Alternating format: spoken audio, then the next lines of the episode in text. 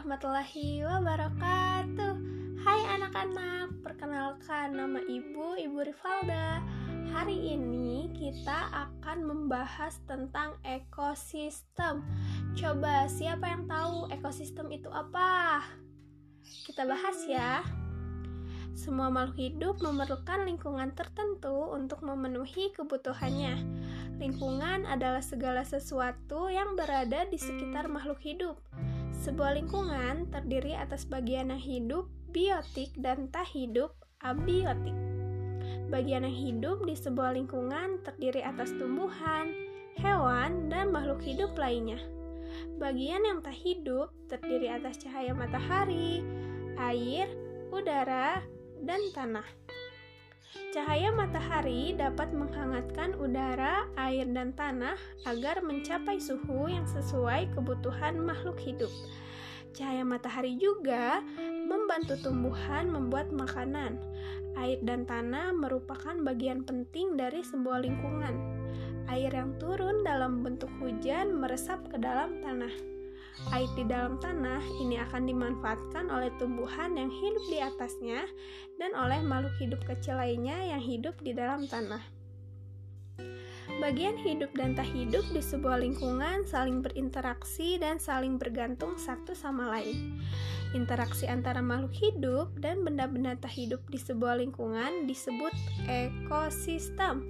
Ekosistem tersusun atas individu, populasi, dan komunitas. Individu adalah makhluk hidup tunggal, misalnya seekor kambing, seekor burung, dan sebuah pohon cemara. Tempat individu tinggal disebut habitat. Populasi adalah kumpulan individu sejenis yang menempati suatu daerah tertentu. Contoh di sebuah kolam terdapat populasi ikan, populasi tumbuhan teratai, dan populasi lumut. Sementara itu, komunitas adalah populasi makhluk hidup di suatu daerah tertentu. Contoh komunitas adalah komunitas sungai dan komunitas padang rumput. Bagaimana? Sudah paham belum penjelasan dari Ibu? Semoga dapat dipahami ya. Sampai bertemu di podcast selanjutnya. Dadah. Wassalamualaikum warahmatullahi wabarakatuh.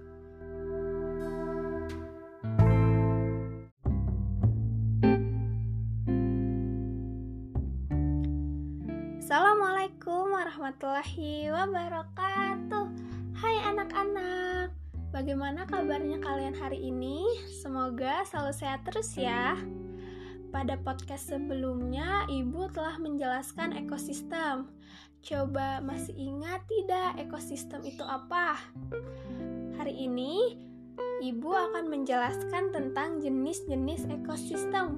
Wah seru sekali ya Anak-anak, semangat terus ya untuk mendengarkan podcast Ibu. Pada dasarnya, ekosistem yang ada di dunia ini dibagi menjadi dua, yaitu ekosistem alami dan ekosistem buatan. Ekosistem alami terdiri atas ekosistem air dan ekosistem darat. Ekosistem air terdiri atas ekosistem air tawar dan ekosistem air asin. Ekosistem darat terdiri atas ekosistem hutan, padang rumput, padang pasir, tundra, dan taiga. Ekosistem buatan merupakan ekosistem yang diciptakan manusia untuk memenuhi kebutuhan manusia. Sawah dan bendungan merupakan dua contoh ekosistem buatan. Ekosistem air tawar, contohnya ekosistem danau, kolam, dan sungai. Ekosistem air tawar mendapatkan cukup sinar matahari. Tumbuhan yang paling banyak hidup pada ekosistem ini adalah ganggang. Ekosistem air asin, contohnya ekosistem terumbu karang dan ekosistem laut dalam. Berbagai jenis ikan, karang, koral, dan makhluk laut lainnya hidup pada ekosistem ini. Terdapat juga beberapa jenis hewan kecil dan tumbuhan alga yang dapat membuat sendiri makanannya. Ekosistem selanjutnya yaitu ekosistem darat. Contoh dari ekosistem darat yaitu ekosistem hutan hujan tropis, sabana, padang rumput, gurun, taiga, dan tundra. Ekosistem darat ini dibedakan oleh tingkat curah hujan dan iklimnya. Perbedaan tersebut menyebabkan jenis tumbuhan dan hewan yang ada di dalamnya juga berbeda. Tumbuhan seperti rotan dan anggrek, serta hewan seperti kera, burung, badak, dan harimau berada pada ekosistem hutan hujan tropis. Ekosistem sabana memiliki curah yang lebih rendah daripada ekosistem hutan hujan tropis.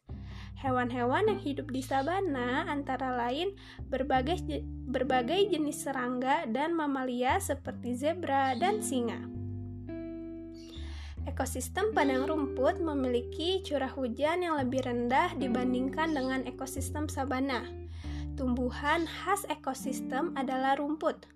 Hewan yang hidup pada ekosistem padang rumput, contohnya bison, singa, anjing liar, serigala, gajah, jerapah, kanguru, dan ular. Gurun merupakan ekosistem yang paling gersang karena curah hujan yang sangat rendah. Tumbuhan jenis kaktus yang memiliki duri untuk mengurangi penguapan pada tumbuh e, tumbuh di sini.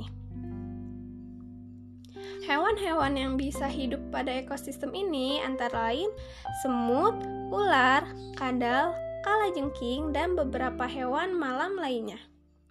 Suhu pada ekosistem taiga sangat rendah pada musim dingin. Taiga biasanya merupakan hutan yang tersusun atas satu jenis tumbuhan seperti cemara, pinus, dan sejenisnya.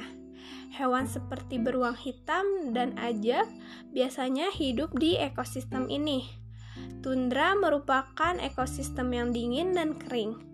Banyak jenis tumbuhan tidak bisa hidup pada ekosistem ini karena rendahnya suhu lingkungan sepanjang tahun. Akar-akar tanaman tidak dapat tumbuh pada suhu yang dingin. Tumbuhan jenis rumput tertentu e, saja yang mampu bertahan. Beberapa jenis burung bersarang di ekosistem tundra pada saat musim panas seperti angsa dan bebek. Wow, Ternyata jenis-jenis ekosistem yang ada di dunia ini sangat banyak ya. Bagaimana anak-anak? Sangat seru bukan? Selamat belajar ya.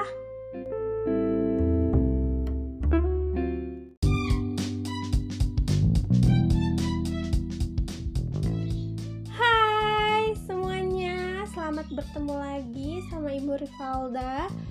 Assalamualaikum warahmatullahi wabarakatuh. Bagaimana kabarnya hari ini? Semoga sehat terus ya. Jangan lupa untuk selalu semangat dalam belajar. Walaupun kita dalam pembelajaran online, tapi kita harus tetap semangat. Gimana anak-anak? Penjelasan tentang ekosistem dan jenis ekosistem dapat dipahami? Sekarang ibu punya materi baru. Apa ya? Masih seputaran tentang eh, dengan ekosistem, sekarang kita akan berpindah ke penggolongan hewan berdasarkan jenis makanannya. Siapa yang tahu eh, hewan pemakan daging disebutnya apa? Karnivor? Iya, betul sekali. Oke, kita akan bahas ya. Berdasarkan jenis makanannya, hewan dikelompokkan menjadi tiga golongan Ketiga golongan itu adalah golongan herbivore, carnivore, dan omnivore. Kelompok hewan herbivore merupakan hewan yang makanannya berasal dari tumbuhan. Hewan ini memiliki susunan gigi yang khas. Gigi hewan ini terdiri atas gigi seri dan gigi geraham dan tidak memiliki gigi taring. Gigi seri berada di depan dan tajam. Gigi ini berguna untuk memotong makanan, sementara itu gigi geraham berfungsi untuk menghaluskan makanan yang telah dipotong-potong oleh gigi seri. Contoh hewan yang termasuk kelompok ini adalah sapi, kelinci, kerbau, dan rusa. Kelompok hewan karnivor adalah kelompok hewan yang memakan hewan lain. Sebagian besar hewan yang termasuk di dalam kelompok ini merupakan hewan buas dan liar. Wow, hewan ini harus berburu untuk mendapat makanan. Oleh karenanya, hewan ini memiliki gigi taring yang tajam dan kuat. Gigi taring berguna untuk merobek dan mengoyak mangsa. Hewan ini juga memiliki gigi seri yang tajam dan kuat meskipun berukuran kecil. Gigi ini juga berfungsi untuk memotong mak e, makanan. Hewan yang termasuk dalam kelompok ini adalah harimau, singa, anjing, buaya, dan ular. Wow, serem-serem ya binatangnya. Kemudian kelompok yang ketiga adalah kelompok hewan omnivore merupakan kelompok hewan yang makanannya berasal dari tumbuhan maupun hewan lain. Hewan omnivor memiliki susunan gigi tersendiri. Gigi seri, gigi taring, dan gigi geraham hewan ini berkembang dengan baik untuk menyesuaikan dengan makanannya.